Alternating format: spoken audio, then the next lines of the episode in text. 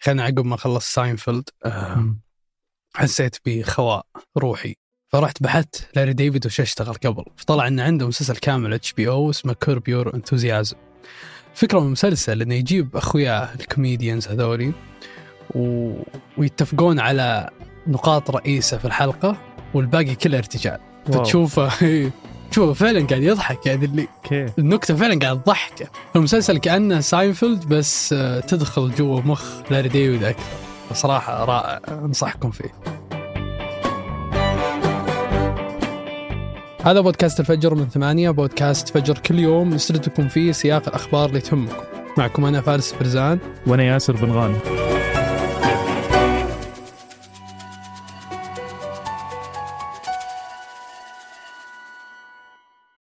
قهوة الصباح وأجود محاصيل البن المختص تلاقيها في خطوة جمل اعرف أقرب فرع لك من الرابط في وصف الحلقة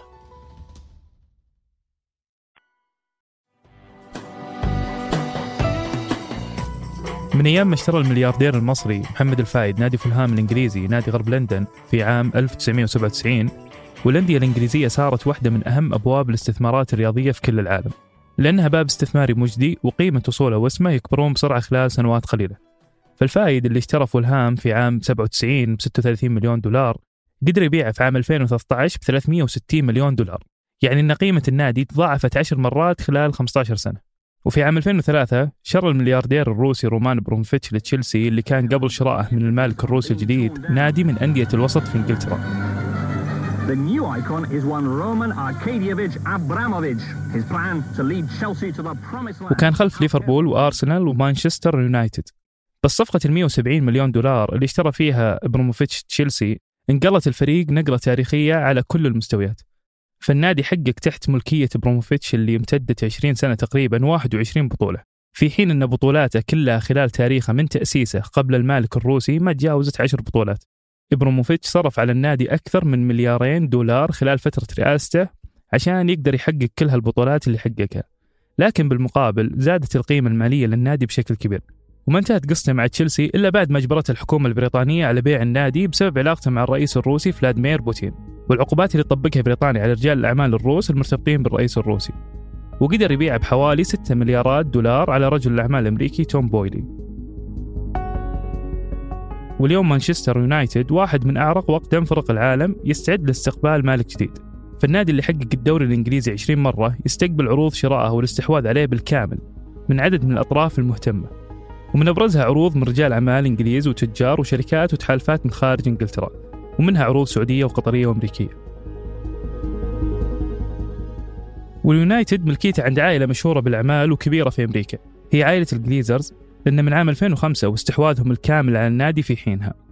بس استحواذ الجليزرز على مانشستر يونايتد كان دائما مزعج لجمهور اليونايتد اللي ما يوقف من فترة لفترة من التلويح بلوحات في الملعب وهم حاضرين مباريات لفريقهم ينادون برحيل الجليزرز فعلى عكس مشجعين مانشستر سيتي اللي تشوف حول ملعب الاتحاد لفتة لهم تشكر نائب رئيس الوزراء الإماراتي منصور بن زايد مالك النادي على استحواذه ودعمه للفريق. تشوف جمهور اليونايتد حاطين لوحات متعددة حول ملعب الأولد ترافورد ملعب النادي كاتبين عليها حب اليونايتد وأكره الجليزرز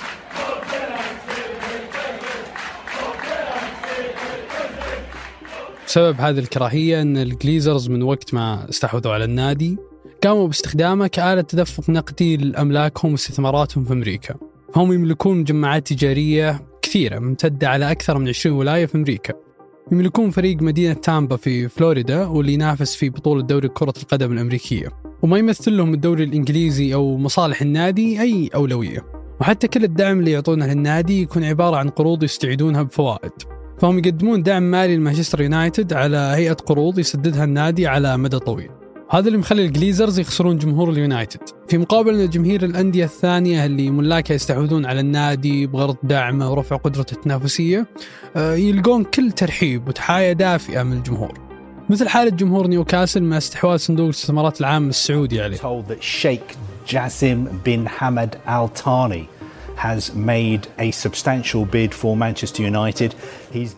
كذلك هذا اللي مخلي جمهور النادي يتفاعل بشكل إيجابي مع أخبار بيع جليزرز لمانشستر يونايتد.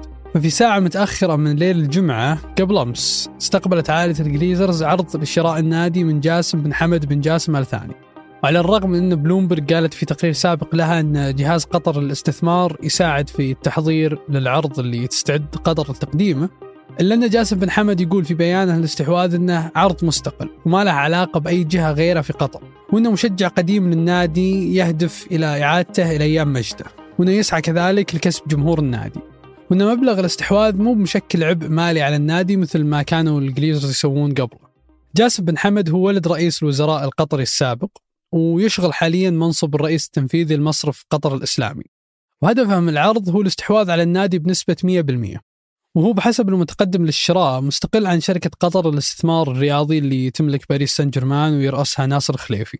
وهذا مهم لنجاح العرض الجديد لأن قطر للاستثمار الرياضي تملك نادي العاصمة الفرنسي اللي ينافس في دوري أبطال أوروبا وما يمكن لنفس المالك الاستحواذ على حصة الأغلبية في أي نادي ثاني يتنافس مع ناديه الأول في نفس البطولة بحسب أنظمة المنافسة الرياضية في أوروبا.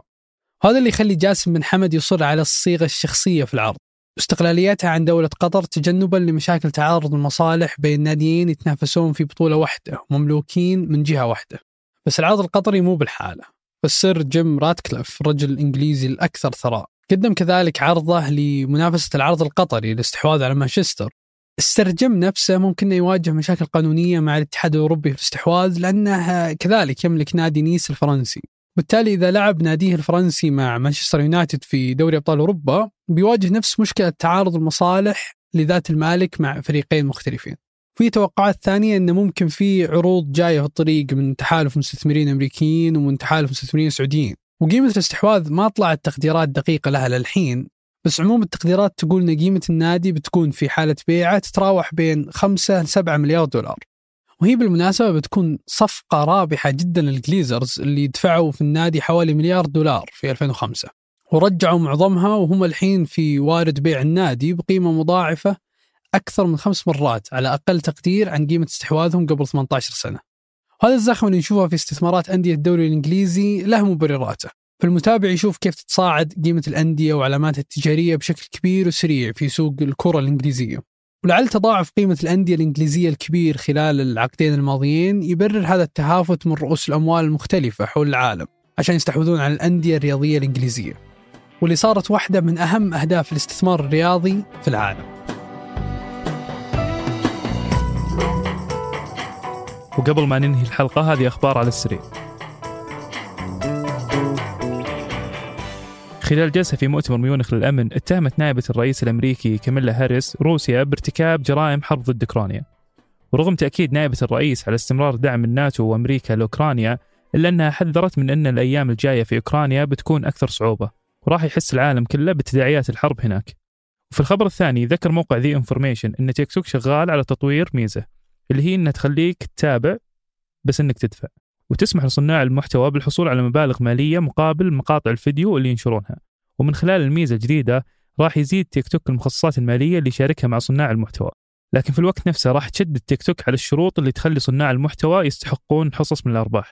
ومن الشروط أن الحد الأدنى لعدد المتابعين مية ألف متابع وراح يكون لصناع المحتوى الطويل أولوية في الحصول على حصة من الأرباح.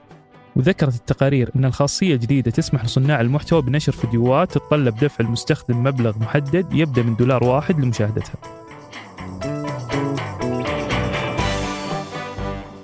أنتج هذه الحلقة عبد العزيز الحبيل وقدمتها أنا فارس فرزان. وأنا ياسر بن غانم. وراجعها فيصل جابر.